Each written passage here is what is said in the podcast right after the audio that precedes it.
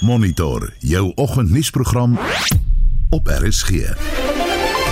In vanoggend se program, president Ramaphosa sê Suid-Afrika hou by sy onafhanklike buitelandse beleid, maar watter gevolge hou dit in?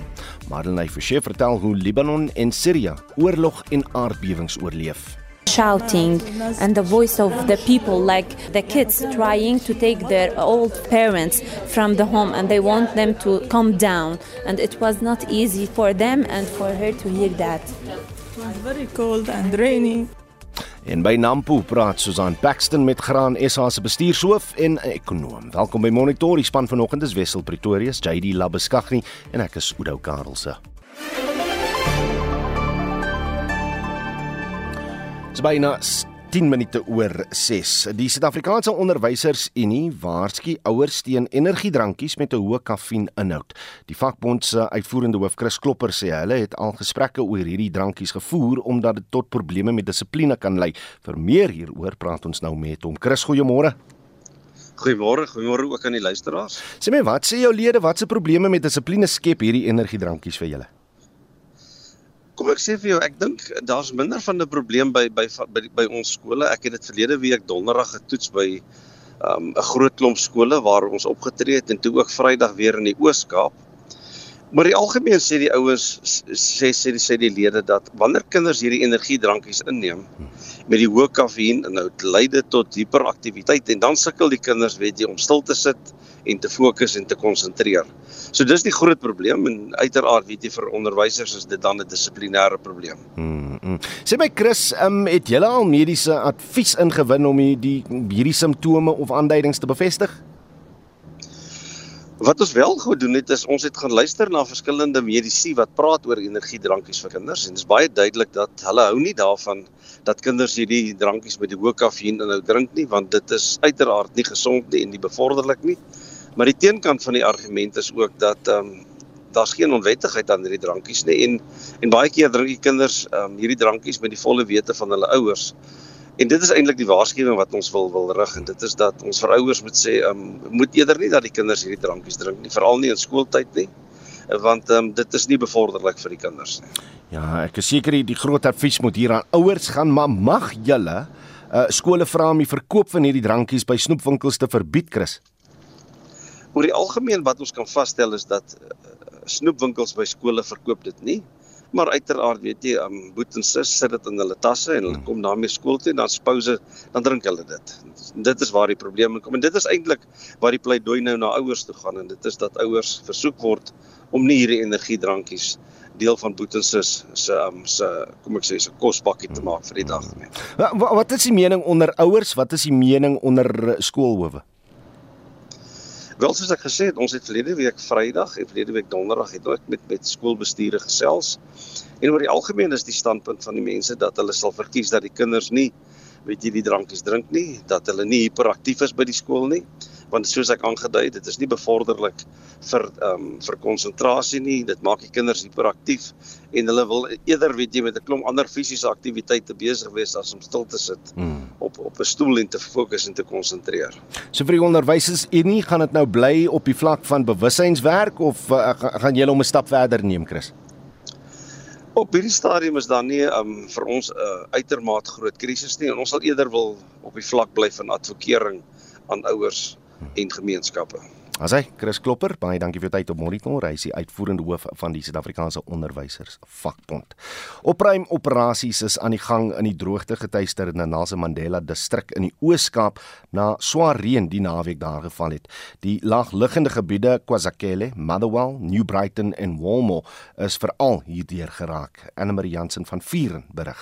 Meer as 1000 inwoners van die Nelson Mandela Bay Metro is die naweek na skoolsale en kerke ontruim. Hulle het aan SAK nuus gesê hulle het verliese gely weens die oorstromings. We don't have any food. Our furniture is floating in water, and I don't have any clothes to change these ones I'm wearing. It's not nice to leave your warm home and spend the night in a cold hall. My family was affected badly by the floods. School books were damaged, including my car.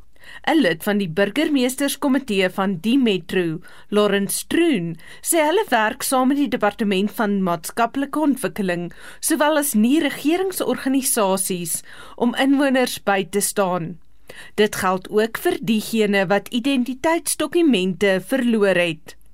Troon het ook inwoners gevra om op bes te probeer om dreine skoon te hou wat die water kan verstop.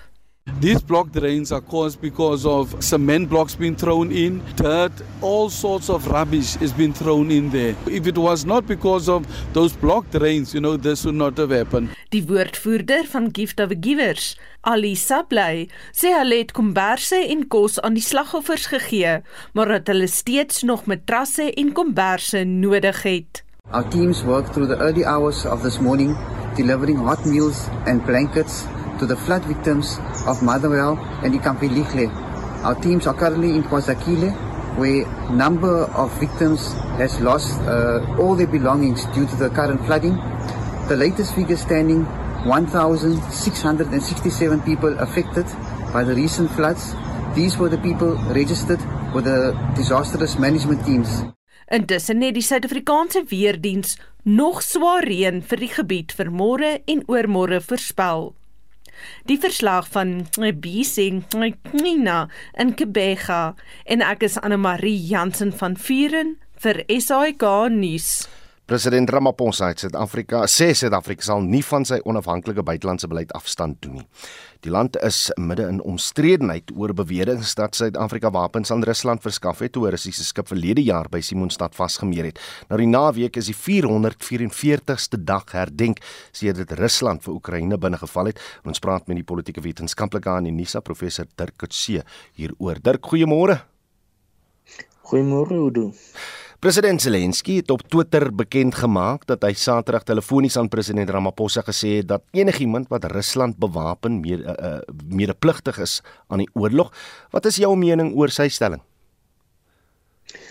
Ek dink mense moet dit verstaan uh, uit die oogpunt van dat hy is die persoon wat sekerlik die grootste verantwoordelikheid dra vir uh, die Oekraïne op die oomblik dat die oorlog vir hom 'n absolute persoonlike saak is dat hy voel dat dit is 'n oorlewingsstryd vir hulle en dat enige persoon wat nie 100% agter die Oekraïne is nie is nie ten gunste vir hulle nie, is nie ter ondersteuning vir hulle nie.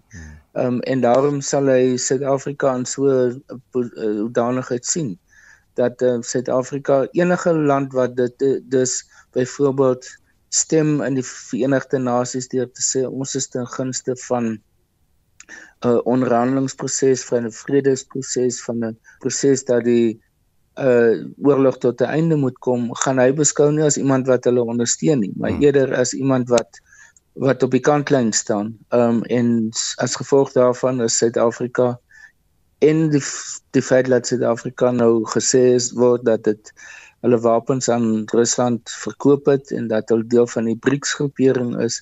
Dit alles tel in in uit die oogpunt van president Zelensky teen Suid-Afrika vir hom.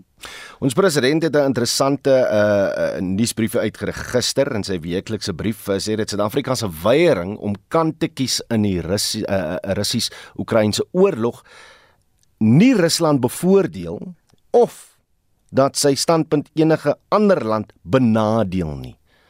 Is hy reg om dit te sê? Ja, ek dink dit is 'n uh, dis dis sy standpunt, dis 'n interpretasie wat hy gee.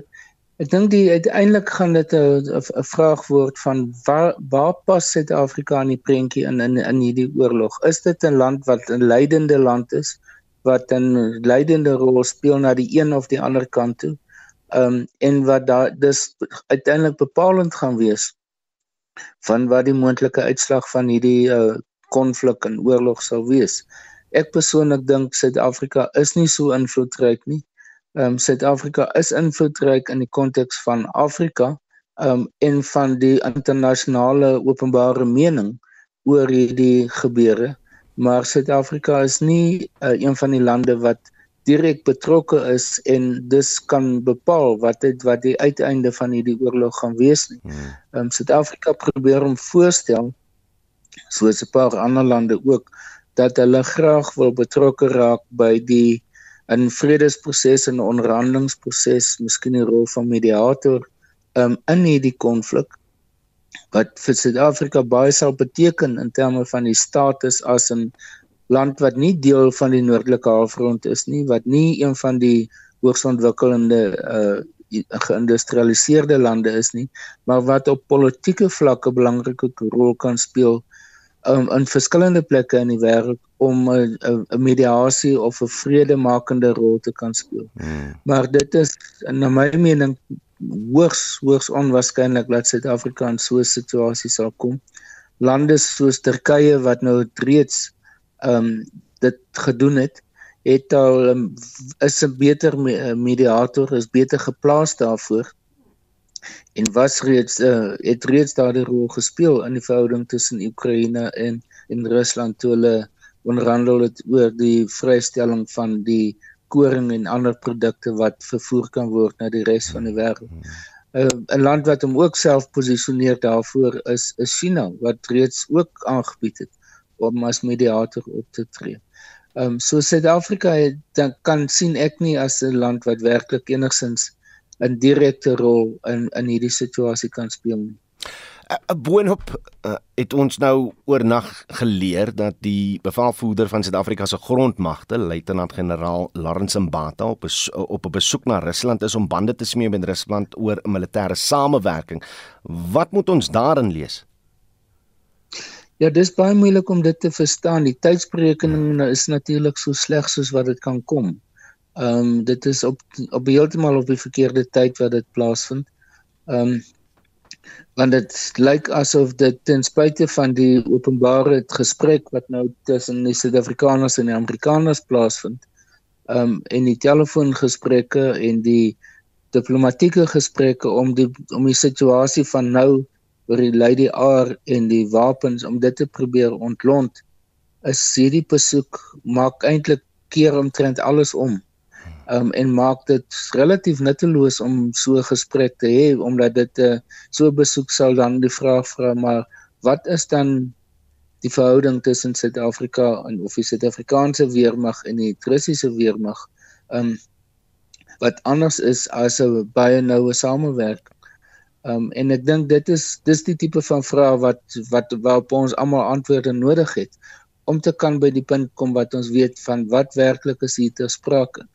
Ek meen die die die een ding wat ons ehm um, wat wat hier te sprake is is dat daar is geen Suid-Afrika pas nie sanksies teen Rusland toe nie. Hmm. Suid-Afrika Suid-Afrikaners is nie onder die sanksie uh bedeling wat die Amerikaners op sekere persone toepas nie. So streng gesproke is niks hiervan onwettig nie, maar dit gaan alles oor die diplomatieke impak wat dit het. Hmm. Die diplomatieke betekenis wat dit het um vir verskillende rolspelers in die internasionale gemeenskap en ek dink dis wat die Suid-Afrikaanse Suid-Afrikaanse regering en die Suid-Afrikaanse weermag op hierdie stadium nie noodwendig in ag neem nie. Hulle wil hoogs waarskynlik vir sekere groeperings dit baie duidelik maak dat hulle eintlik relatief sterk pro uh, Rusland is in in die huidige situasie. So so gepraat van die diplomatieke en ek noem hom sommer 'n wedstryd wat nou uitgespeel het hierdie naweek. Vir vir my is dit interessant dat of daar nou bewyse is of nie dat uh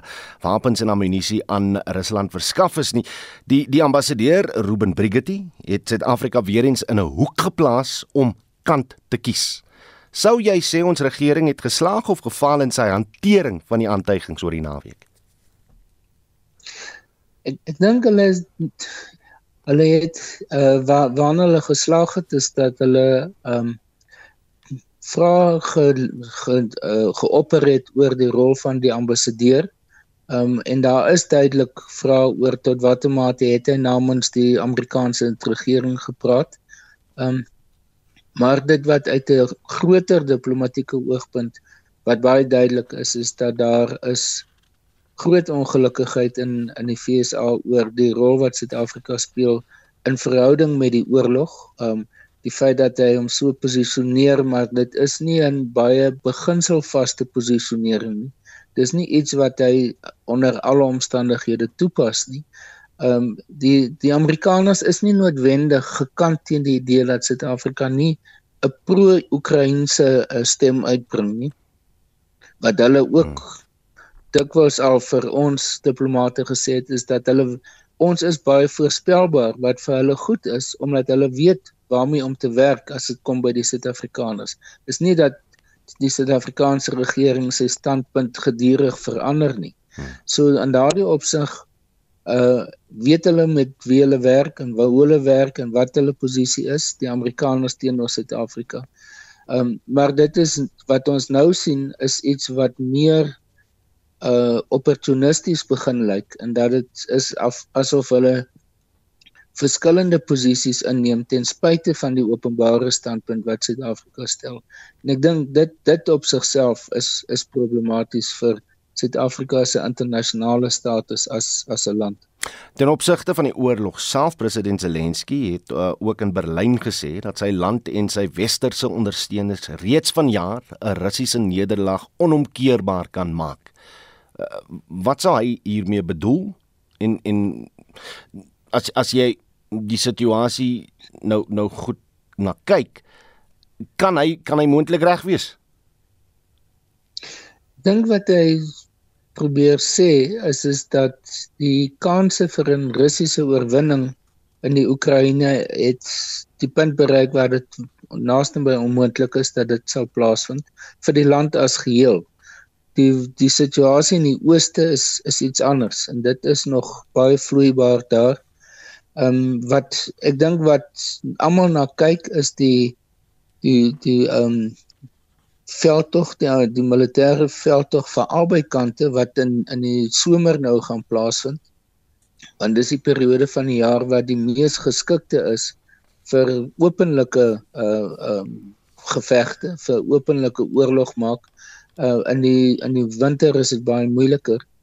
Ehm um, en dit sal tot 'n groot mate bepalend wees van wat die posisie van Rusland veral in die ooste gaan wees want dit het die fokuspunt geword. Ehm um, die res van uh, van die Oekraïne word nou en dan deur vuurpyle aangeval, maar dit is nie 'n 'n direkte konvensionele oorlog van posisionering nie. Ehm um, en wat dit bepaal word watter gebiede deur wie beset word. Nie. Um, en ek dink dis dit gaan die bepalende faktor uiteindelik wees is tot watter mate die die russe en die russe is nou in die onbenydenswaardige posisie dat hulle sekere gebiede nou beset het of baie naby is om dit te beset. Hmm. Um, en hulle sukses gaan afhang van hoeveel hoe, hoeveel hulle hierdie besette gebiede kan behou. Ehm um, so dit is dit gaan oor wat hulle ver, kan verloor. Dit sal bepaal hulle sukses of mislukking. Terwyl die Oekraïne is nie in die hierdie posisie nie. Hulle is in die posisie van die die aanvaller van die die aktiewe uh, kant wat probeer om om hierdie situasie te verander. So enige selfs klein vordering wat die Oekraïne maak sal gesien word as 'n positiewe ontwikkeling vir die Oekraïne en outomaties vir die Russe. So die Russe kan eintlik net verloor in hierdie opsig. Dit is nie dat hulle werklik nou op 'n in 'n besig is met 'n offensief wat hulle baie meer ten gunste van hulle kan kry. En dit dit maak dit vir die Russe moeilik omdat hulle eintlik in 'n verdedigende posisie op hierdie stadium moet wees. Um um en dit is iets wat wat 'n uh, uh nie noodwendig die inisiatief het nie. Ehm um, dit lyk eerder na 'n passiewe tipe van situasie. Hmm. Ehm um, en dit is altyd baie moeilik om onder sulke omstandighede suksesvol te wees. Dit was politieke wetenskaplike aan Unisa, professor Dirk Kotse. In Amerika toon 'n verslag oor die FBI se ondersoek na beweringe dat oud-president Donald Trump kop in een mis was met Rusland voor sy verkiesing vol gate was. Uh, John Durham is uh, destyds deur die prokureur-generaal aangewys om aantuigings dat Trump die Russe genader het vir ondersteuning te ondersoek. Marley Forsie uh, hou die en ander verwikkelinge dop môre nee. Goeiemôre Uda nou daardie verslag verwys na die 2016 verkiesing en Durham het onder meer bevind dat die FBI um, Trump ondersoek het sonder dat hulle tasbare bewyse gehad het van onderhandse samewerking tussen die twee. Nou hier is die mening van David Shapiro, 'n voormalige um, FBI agent en regsadviseur. Well, it's certainly lengthy and well detailed. It's altogether something that's worth a good read. and I think it offers much for us to consider. Basically, he's urging investigators and prosecutors to be impartial. That's uh, an easy rule to say, but as a former investigator and former prosecutor, I can tell you that we've been urged to be impartial for generations. I don't mean it as a sharp criticism because, you know, not all problems are solvable. Nou, hy praat daar in sy woorde sê 'n lengthy report. Dis omtrent so 306 bladsye. So 'n kort reaksie daarop 'n baie baie lang verslag, maar die FBI het gereageer deur te sê dat die kwessies wat uitgelig word in hierdie verslag, dat dit volgate was, dat hulle nie onpartydig was nie, wel aangespreek word. Ons verskuif aan die aandag na die Oekraïense hoofstad Kiev waar verskeie missielaanvalle gisteraand aangemeld is. En die regering moedig nou inwoners aan om binneshuis te bly en weg van vensters af te bly om seker te maak dat hulle nie beseer word deur skrapnel wanneer missiele afgeskiet word nie. Verskeie video's van die aanvalle word op sosiale media gedeel, maar dit kon nou nog nie bevestig word nie. Ons hou verwikkelinge daarop. Die hoofkandidaat in die uh, Turkse presidentsverkiesing, dis nou die amptbekleer Tayyip Erdogan en uh, sy westers gesinde teenstander Kemal Kılıçdaroğlu het uh, toegegee dat 'n uh, opvolgverkiesing later die maand onafwendbaar lyk. Ja, en Erdogan het net net meer as 49% van die 99% stemme wat getel is op hom verenig en dan sy teenstander 45%. Nou die twee moet nou by die moontlike koningmaker, die verregste Sinan Ogan, vlerk sleep streep. Hy het 5,2% van die stemme ingeoes en ons sal ook daar bietjie dophou wat aan die gang is. En dit was Marlene Forsie met 'n oorsig van wêreldnuus gebeure. Jy luister na Monitor. Elke weekoggend tussen 6 en 7. En so gepraat van Marlene Forsie in die tweede helfte van die program vertel eh, Marlene ons uh, hoe Libanon en Sirië oorlog en aardbewings oorleef. En Nampo begin natuurlik vandag. Ons gaan oorskakel na 'n span net so voor eh, kwart voor 7 vanoggend. Bly ingeskakel. Reg, kom ons kom uit by julle terugvoer vanoggend. Nou kundiges in skoolkringe sê kinders behoort nie enige energiedrankies by die skool te drink nie. En ons uh, vroeër vanoggend natuurlik gepraat met die onderwysers en die daaroor. Die uh, hoë inhoud van kafeïen in van die drankies veroorsaak soms hartklopings en hiperaktiwiteit by kinders. Dit is wat ons onderwysers waarneem in die skool. En ons wil vanoggend by jou weet, laat jy jou kind toe om uh, energiedrankies te drink? Indien wel, mag hulle dit tydens skooltyd drink? En hoe reageer jou kinders nadat dat hulle sulke drankies gedrink het. Interessante storie hier wat uh, Johanna Solomon op uh, Facebook vertel en sy sê ek het 'n 4-jarige seun in my kleuterskool gehad in 2021. Sy pa het soggens vir hom 'n bietjie van die energiedrankie gegee. Hy was hiperaktief verby. Ons het nie geweet hy drink dit saam met sy pa nie. Toe ek een oggend gesien het hy staan met die blik in die hand, uh, het ek hom vermaan en gesê dat hy dit nooit nooit weer aan sy kind moet gee nie. Hy uh, moet die ouderdomsbeperking daarop lees en dat hy besig is om sy kind in 'n monster te verander, sê Joanna Solomon. Sy kind uh, het uh, ouers. Dis nie vir kinders onder 12 jaar nie. Ek het nog nooit die uh, dit gedrink nie. Sal nie eers my vyande aanbeveel om dit te drink nie. Nou wat is jou ervaring en wat sê jy hieroor? Uh, stuur 'n SMS dan 45889. Dit kos jou R1.50 per SMS of jy kan saamgesels op die Monitor en Spectrum Facebook bladsy. Nou tyd vir Jody Hendriks om ons op hoogte te bring van die jongste sportnuus. Goeiemôre, ons begin met 'n paar sokkerbrokkies. In die Engelse Premier League het Liverpool gisterand 3-0 met Leicester City afgereken. Curtis Jones het twee keer die agterkant van die doellok gevind met Trent Alexander-Arnold wat die derde doel aangeteken het. Na die sege is Liverpool nou met 65 punte vyfde op die punteleer Die nederlaag beteken ook dat Leicester City hulle nog in die relegasiesone bevind. Hulle is tweede laaste op die punte leer met slegs 30 punte na 36 wedstryde en kan moontlik volgende seisoen in die Engelse kampioenskap gaan speel. Nog sokkernuus en dis ook die tweede been halfeind in die UEFA Kampioenligga beker met die Italiaanse derby Inter Milan wat in 'n tuiswedstryd teen albure AC Milan gaan speel dit vir 'n plek in die eindstryd. Verlede week se kragmeting tussen die twee spanne het uh, Inter Milan 2-0 gewen en 'n gelykop uitslag vanaand sal genoeg wees om vir hulle na die eindstryd te neem om sake vir AC Milan te vererger. Se klolster speler is Zlatan Ibrahimovic steeds met 'n besering en gaan ook moontlik vanaand se wedstryd misloop.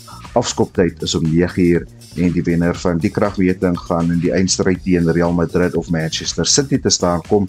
Die twee spanne speel môre aand teen mekaar. In plaaslike sokker speel die verdedigende kampioen Mamelodi Sundowns vanaand om 08:30 teen Maritzburg United. Rugby kaartjies vir die eindstryd in die Verenigde Rugby Kampioenskap tussen die Stormers en Munster op die Kaapstad Stadion wat op 27 Mei plaasvind sal van donderdag af beskikbaar wees. En uh, nog rugby nuus, die Cheetahs het drie nuwe spelers gekontrakteer. Hulle is die voormalige WP loskakel Abner van Reenen asook die skramskakel Regan Oranje en Vernon Paulo. Hy was by die Noordwes Universiteit wat vroeër vanjaar die Waastreet beker gewen het. In sewees rugby skuif die Blitsbokke se fokus nou na die laaste toernooi op die wêreld sewees reeks wat die komende naweek in Londen plaasvind. Na die span se nagmerrie toernooi verlede week in Toulouse in Frankryk, het hulle nog 'n buitekans in die top 4 te eindig en sodoende ook outomaties vir aanstaande jaar se Olimpiese spele in Frankryk te kwalifiseer. In cricketnuus in die IPL speel die Lucknow Super Giants vanmiddag om 4uur in 'n tuiswedstryd teen die Mumbai Indians. Daar is slegs 1 punt wat die twee spanne van mekaar op die punteleer skei. Dan laastens golfnuus alhoewel is die week op die tweede major van die jaar, die PGA Kampioenskap wat op die, die Oak Hill Buiteklub in New York afslaan en vier Suid-Afrikaners gaan aan die toernooi deelneem. Hulle is Christian Besaidnout, Thurston Lawrence, Dean Burmeister en ook Okkie Strydom wat sy buiging in 'n major toernooi sal maak. Justin Thomas van die FSA is die verdedigende kampioen Jody Hendricks vir RSG Sport. En hier sit sy nou reg oorkant my, dis Rina Ninaber. Wat 'n voorreg om hier te wees. Baie dankie. Kom ons kyk hoe hierdie een herinneringe terugbring. Daar saam met Annelise Weiland wat daai die vertolk het. ja, dit vat my sommer vreeslik ver terug.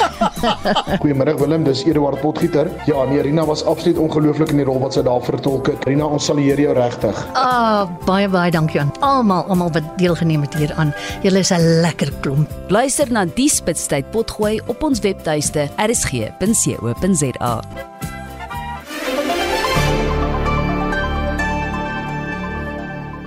Reg na bykans 3 weke in die Midde-Ooste is ons Marlenae Forshene weer terug in die land en uh terug in die ateljee. En sy het besoek gaan aflê in Libanon en het ook 6 dan Sirië deurgebring en uh, sy sluit nou by ons aan môre Marlenae. Goeiemôre Oudo, dis lekker om weer 'n bietjie terug te wees. Jy lyk vars, jy lyk jy lyk reg vir die lewe. Dankie, dankie.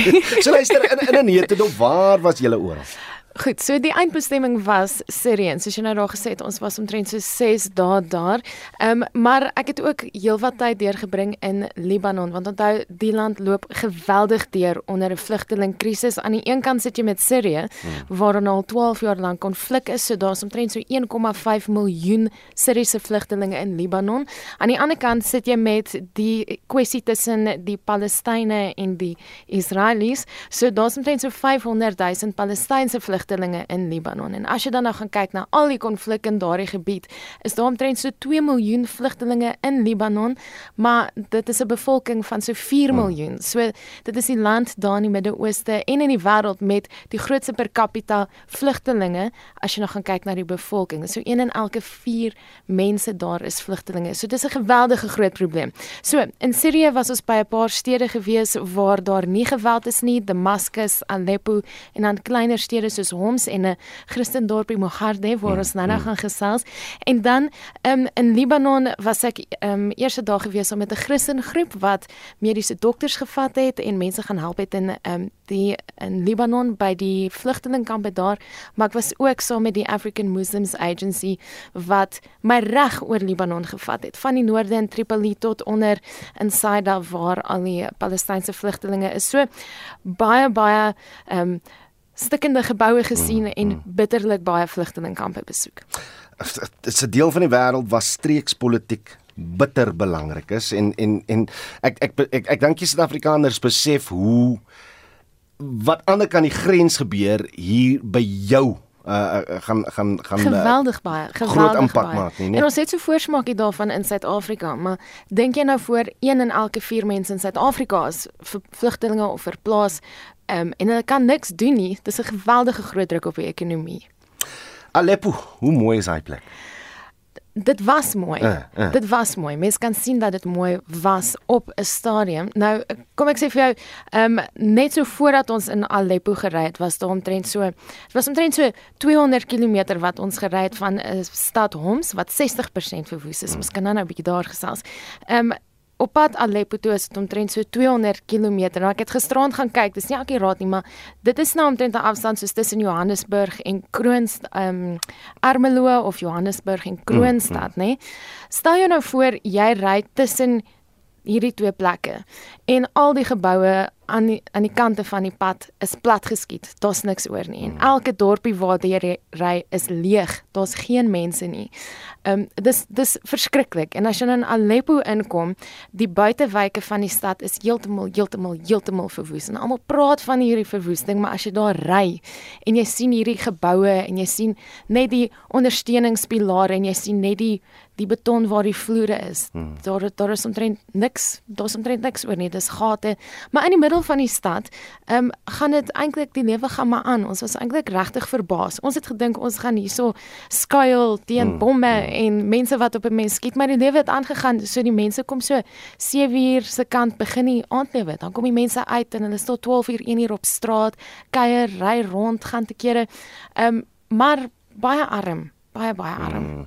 So dis nou die storie van Sirië 12 jaar na die burgeroorlog. Ek is seker ons gaan nou 'n bietjie luister na van van die mense wat jy ontmoet het daar, nee. Inderdaad, inderdaad. So kom ons kom ons praat oor Homs. Homs is nie 'n stad wat ek geken het voordat ons gegaan het nie, maar ons het daar gaan bly by 'n pastoor se naam is Rami en hy het verskriklik baie deurgemaak. As jy nou so kyk, ons het een oggend gaan staan op 'n dak hmm. en uitkyk oor hierdie stad en hoe dat dit ek ek sê dit baie, maar ek probeer om dit regtig te beklemtoon. Daar's regtig niks oor nie. Daar's altyd mense wat sê die vlugtelinge moet teruggaan na Sirië toe want hulle jy weet maar daar's regtig daar's regtig egtig niks daar vir hierdie mense nie. Ehm um, Maar ek en hy het daar gestaan op die dak en een van sy werkers daar aan een van die vroue wat saam met ons gegaan het, ehm um, gestaan en dan sê sy hier het iemand dood gegaan in 'n bomontploffing, hier het hierdie ene se kar ontplof. Weet dit is al hierdie stories en ehm um, ja, so hierdie pastoor ek en hy het so 'n bietjie gesels en hieso is wat hy toe nou vir my gesê het. يعني هذا الشيء صار له 12 13 سنه هذا الشعور It's been uh, 12 13 years uh, and uh, we have this feeling and it's becoming harder in time and we feel like it's a city of ghosts شعور لا يمكن وصفه وقت اللي بصير تفجير سياره من كثر ما كان And what was harder was all the car bombs. We can't describe the feelings that come with the the sound, the um, feelings afterward, and like going out to see body is apart. Ek verbeel my nou net hoe jy daar op by dak staan en uitkyk na na wat op die grond aangaan, maar hoeveel keer het jy maar hulle gevoel jy's in gevaar? Weet jy wat? Daar was miskien een aand wat ek so bietjie ehm um, as ek nou 'n liderlike woord kan gebruik want ek kan nou nie aan nie net so 'n bietjie nerveus was en ek so 'n bietjie gedink het ek voel 'n bietjie ongemaklik maar dit was net want almal wil foto's neem van jou en almal almal is so opgewonde om te sien dat hier's buitelanders in die hmm. stad mm. en hulle neem foto's en jy weet nou nie eintlik waar daai goed versprei is nie en dis altyd in jou agterkop jy weet hmm, hier's iets aan die gang maar Um, ek moet vir jou sê ek het nooit nooit nooit bedreig gevoel nie. Ons was in 'n gebied hmm. waar daar vir alle praktiese doeleindes vrede is. So ons het nooit gevoel dat daar regtig dat ons lewens in gevaar kan wees nie. Ehm um, maar ons was heeltyd bewus daarvan dat daar ietsie is in die agtergrond. Oral waar jy ry, hmm. sien jy die groot baniere met die president Bashar al-Assad se gesig. So by treinstasies, op busstasies, op die karre agterin is daar net al hierdie foto's en ehm um, plakate van hom. Ehm um, maar nie regtig nie. Ek het nooit onveilig gevoel nie. Ons het nogal gesê baie van die groep mense met wie ons was, dit is nogal vreemd vir ons. Maar ek moet sê, mense word dikwels herinner dat daar nie vrede is nie. So die mm. oggend nadat ons in Homs was, waar waarvan hierdie ou nou gepraat het, ehm um, het hulle die stad weer aangeval. En dit was nie 'n groot aanval nie, maar jy is heeltyd bewus daarvan. En op pad soontoe het jy heeltyd die Russiese konvoë gesien van die weermag wat wat gaan kyk wat daar aangaan. En ook dikwels op baie van die toeriste bestemmings het ons 'n groot baie mense was nuuskierig en dit amper half toegesak op 'n mens. Dan veroorsaak jy so klein oproerigheidjie en mense het nogal graag wil kom hulle sê maar daar was altyd iemand wat wat gekom het en vir die gids gesê het, hoorie Wat doen jy? Mm, mm, Julle moet eintlik nie hier wees nie en julle maak te veel hier's te veel aandag julle moet nou gaan huis toe. Dis 'n amper Nampo tyd. Ons gaan 'n amper bote wil toe man net vinnig.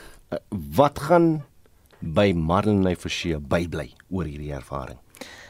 Mense in Sirië wil gehoor word. Hulle wil hê iemand moet luister na wat hulle sê. Mm. Hulle wil nie noodwendig geld hê nie, hulle wil net hê iemand moet luister. So ek gaan 'n paar stories doen, baie van hierdie onderhoude terugbring en uh julle is welkom om so 'n bietjie later in die maand te luister en te hoor wat daar gebeur van die mense in Sirië. Kan nie wag nie. Madeleine Forsie daar met die ervaring van Libanon en Sirië. Nou die jaarlikse Nampo Landbou Skou by Nampo Park net buite Botewil in die Vrystaat begin vandag. Uh monitor en Spectrum span is van DSW weer daar en ons skakel nou oor na ons Susan Paxton. Môre Susan. Goeiemôre Oudo, jy het 'n lekker fris 'n Nampo. Ek dink ek het hom al kouer gevoel as wat ek vanoggend gevoel het, maar hy's nie warm nie. ek sien Tieu Foster knik sy kop hier in instemming want hy is ook vroeg hier by ons. Goeiemôre Tieu. Goed, skryf van mikrofoon aan is daar sê, daar's jy nou. Goeiemôre Susan. Ons het ook die groot baas of groot groot baas van Graan SA hier so Pieter Taljaard, die bestuurshoof. Goeiemôre. Môre Susan, uh, môre luisteraars. Daar sê nou 'n Nampo Oesdag 2023 amptelik hier by Nampo Park net buite bote wil afgeskop vandag. Dit is die 55ste Nampo Oesdag wat gehou word. Ons saai regstreeks uit vanaf die nasie gespreksaal hier op die terrein. So as jy wil kom groet, dit is waar ons is. En dis ook hier waar al die warm patatte in die sektor bespreek word. So dit gaan baie interessant raak hier nog. En uh, voordat ons hoor wat alles op die landbou aktiwiteitsspyskaart is, die week praat ons nou eers met Pieter. Ehm um, sê vir my, almal wil weet oor die paaie. Ek hoor julle praat ook nou oor die paaie. Ja, Susan, ek dink die paai is goed. Uh, die enigste een is die viljoenskroon mens om daai pan ry. Hy sal van Februarie af die water bo oor die pad. So daar is 'n aanwysing vir al die hoofroete van Gauteng af. Dis dis ook die roete wat ek verkies. Dis die dis die beste pad van Gauteng af. Sodra jy by viljoenskroon kom voor jy ehm um, by die silo's kom, draai jy die eerste kruising. Dis basies die Orkney Kroonstad pas draai jy en jy kan om die dorp ry. Dit's baie makliker. So moenie deur die dorp probeer ry nie moet ook nie tot teen die uh, pan ry en dan by die silo's verby ry nie. Daar dit is strooptyd, daar gaan vragmotors wees. Daai pad is nie so goed nie. So om die om die dorp is die beste ene. En dan weet ek die ehm um, Botawil Hoopstad pad is mos maar so 'n bietjie slaggate, maar vir die res is die toegang baie goed. So ja, mense moet net veilig ry. Ja, volg die pad reëls. Goed dan, uh dit, dit ons het gister gehoor julle gaan 'n bietjie uh jouself herposisioneer as Graan SA. Vertel my daarvan. Ja, dis reg Susan, ons is baie um, bly dit is 'n proses wat al 3 jaar kom wat ons basies net bietjie ehm um, handelsmerk verfrissing as ek dit so in Afrikaans kan sê doen. Ehm um, en dit gaan maar om, om relevant te bly. Dit dit gaan maar om aan te pas by die tye en seker te maak almal kan assosieer, veral ontwikkelende boere, jonger boere, jonger generasie boere daarmee assosieer en dan dan spesifiek die kommunikasie bly vir ons 'n groot uitdaging as jy die ou bestaande handelsmerk gebruik is dit is dit moeilik in die media so dit gaan maar uh, aan te pas by die tendens as jy gaan kyk wat wat internasionaal gebeur en plaaslik gebeur baie landboumaatskappye het al een of twee keer ge, geherposisioneer en dis maar wat Graan SA doen. Dis net 'n nuwe logo en dit gaan oor die groter en gelyk aan en dit is geensins arrogant nie. Dit gaan oor saam is ons meer. Saam is ons beter en sterker en dis dis weier net as primêre landbou. Dit gaan oor die waardeketting. Hoe bou ons 'n kom, kom, kompeterende sterk waardeketting wat kan wen vir die land? Ja. Nou Annelien het gisteraand uh, toe jy hierdie aangekondig het um, hierso op Nampo Park het sy 'n video geneem so dan kan jy ook sien hoe lyk daardie logo as jy as jy staan so voor hom so gas mooi. So as jy gewonder het gaan kyk op 'n sosiale media bladsye, dit gaan daar wees, gaan kyk na daardie video van Pieter en dan ook die uh, die nuwe logo. Ehm um, jy het baie groot fokus op die jeug hoekom? Dis belangrik, nê. Nee, die tye is besig om te verander as mens gaan kyk wat deesdae uh, gebeur. Dis eintlik maar jou generasie X en jou millennials wat in bestuur kom, ehm um, wat wat besigheid ons besighede besit en en die bestuur oorneem. En hoe kry hulle betrokke? Um, ons het ek het onlangs 'n geleentheid gehad om om ehm um, met ons ewet mee in Amerika skouers te skuur en hulle dieselfde probleme. Dit is die, die jonger generasie. Uh, uh, Daai manne wil inkom, besigheid doen, fokus en en terug aan hulle gesinne toe en en tye in Suid-Afrika verander ook. Veiligheid is 'n is 'n is 'n kwessie. So dit dit is maar waaroor dit gaan. Hmm. Goed, uh voor ons nou aangaan oor ander belangrike sake wat ook in die nuus gehaal het uh, wat betref uh, graan en so. Uh wat gebeur hierdie jaar by Nampo wat uitstaan? Wat gaan julle anders doen? Ja, ek dink daar's 'n paar nuwe goed. Daar's een uh, splinter nuwe gebou, regtig uh hoe kan ek sê um, baie baie argitektonies van een van die masjinerie maatskappye wat wat geopen word. Daar's van die ouer geboue wat wat binne 'n nuwe blaadjie opgeslaan het wat baie nuut lyk en 'n klomp uh, aanbouings en en verbeterings. So ja, dis 'n klomp nuwe goed.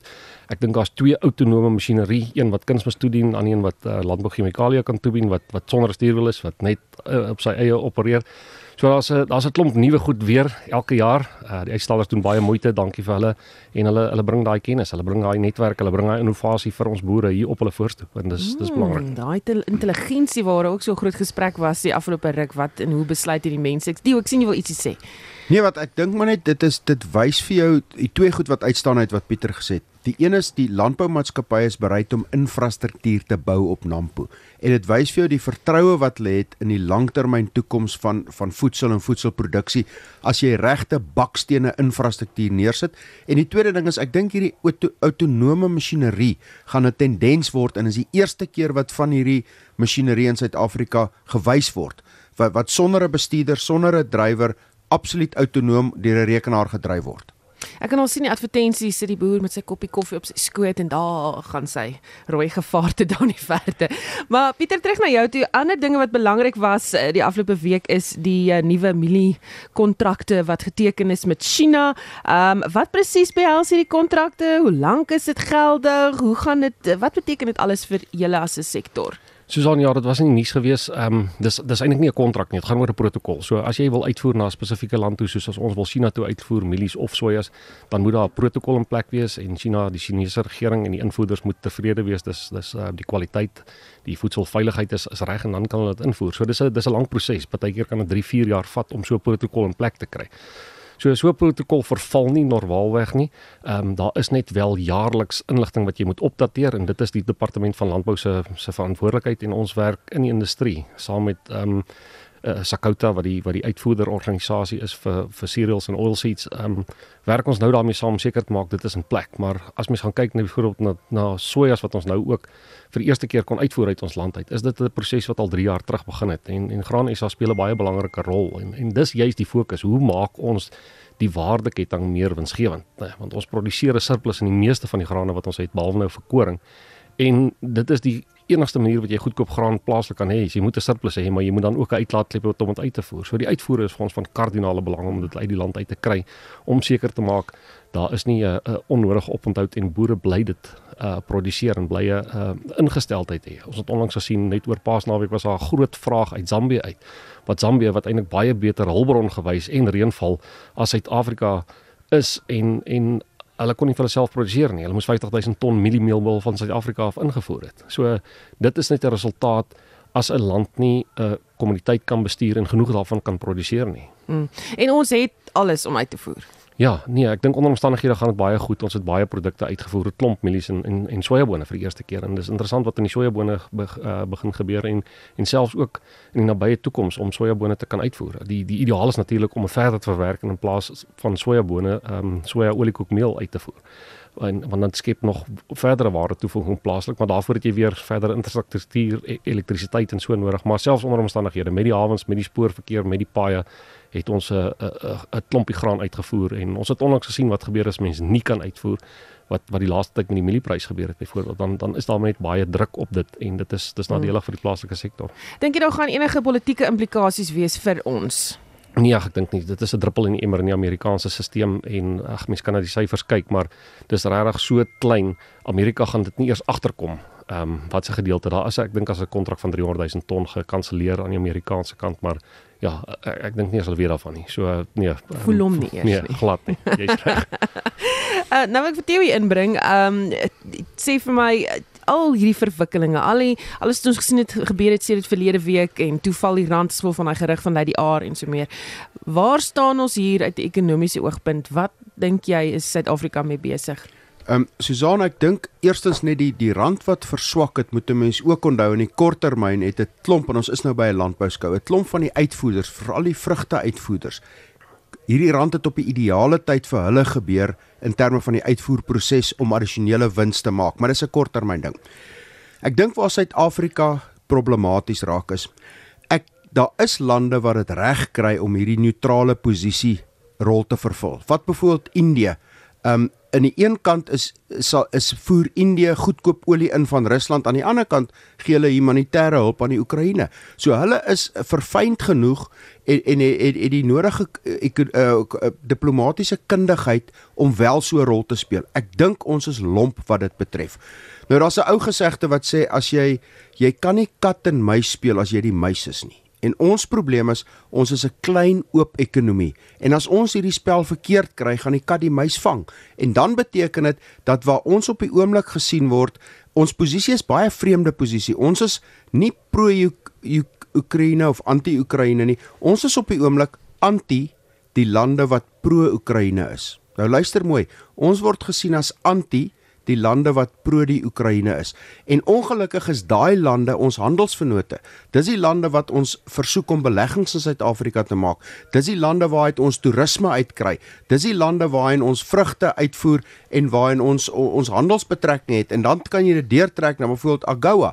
Nou onthou AGOA wat dit vreemd maak, dis nie 'n tweeledige ooreenkoms nie. Dis 'n land wat sê julle kan na ons toe invoer sonder tariewe en en Suid-Afrika geniet daai voordeel. Mm. En en ongelukkig kan daai voordeel baie maklik met 'n pen weggevat word.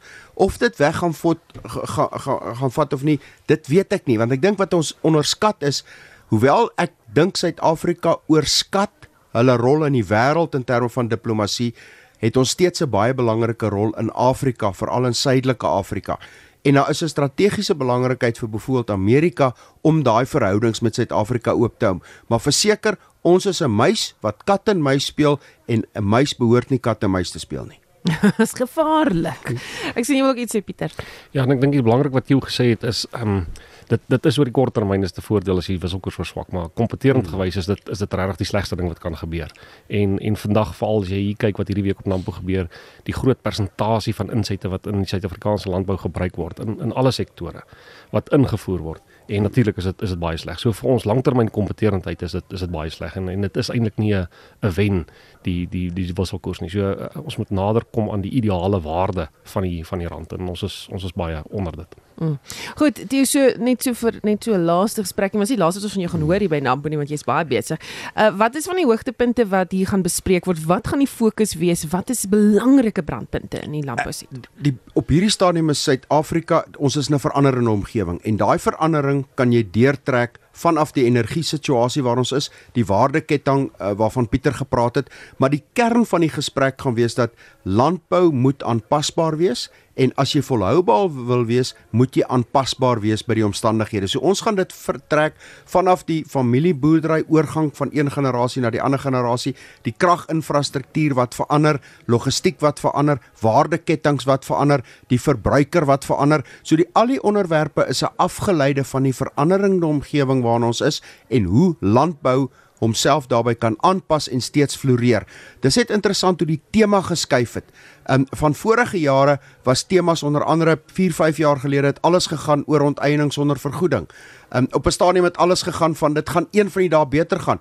Nou gaan dit oor hoe landbou kan aanpas om volhoubaar te bly en in hierdie veranderende omgewing die die party wat die mees aanpasbare gaan wees by veranderende omstandighede gaan die party wees wat oorleef en dis die kern van die gesprekke. Ons sê klink of dit lekker warm gaan wees. Pieter, so laaste woordjie van jou vanaand nee, gaan ons terug. En, en ek dink die belangrike ding is daar ons kan dit net saam doen. Die waardeketting as ons saamwerk kan ons kan ons dit doen. Presies wat Theo nou gesê het. Op ons eie gaan ons dit glad nie reg kry nie. Om deur mekaar heeltyd besig te raak en te stoei, gaan dit ook nie werk nie. So dis vir ons die belangrike daai verhouding en dis hoekom Graan SA daarop fokus en sê maar hoe maak ons hierdie verhoudinge beter en sterker om te kan wen as 'n nasie. Daar sê baie dankie dat julle so vroegie was. Die koue aangedurf het. Laaste stem wat julle daar gehoor het is die bestuurshoof van Granies Al Pieter Taljaard. Ons het ook gesels met die hoof-ekonoom van Galileo Capital Theo Foster. Dankie dat julle hier was. En uh, daarmee terug na Johannesburg toe Oudo vanuit 'n lekker Nampo fris Nampo oggend. Onthou dit is in 12 en 1 vanmiddag sal Susan Paxton in die span weer regstreeks uitsaai vanaf Nampo daar in Botewil. So uh, bly ingeskakel daarvoor. Onthou vorige uitsendings van Monitor Spectrum Brandpunt Naweek Aktueel en kommentaar is op uh, eh, RSG se webblad as 'n potgooi beskikbaar. Gaan net na www.rsg.co.za. Ons groet namens ons uitvoerende regisseur Nicoline de Wee, ons redakteur vanoggend is Wessel Pretorius, ons produksieregisseur is JD Labeskagni en ek is Oudo Karelse. Geniet die res van die dag in die geselskap van RSG. Tot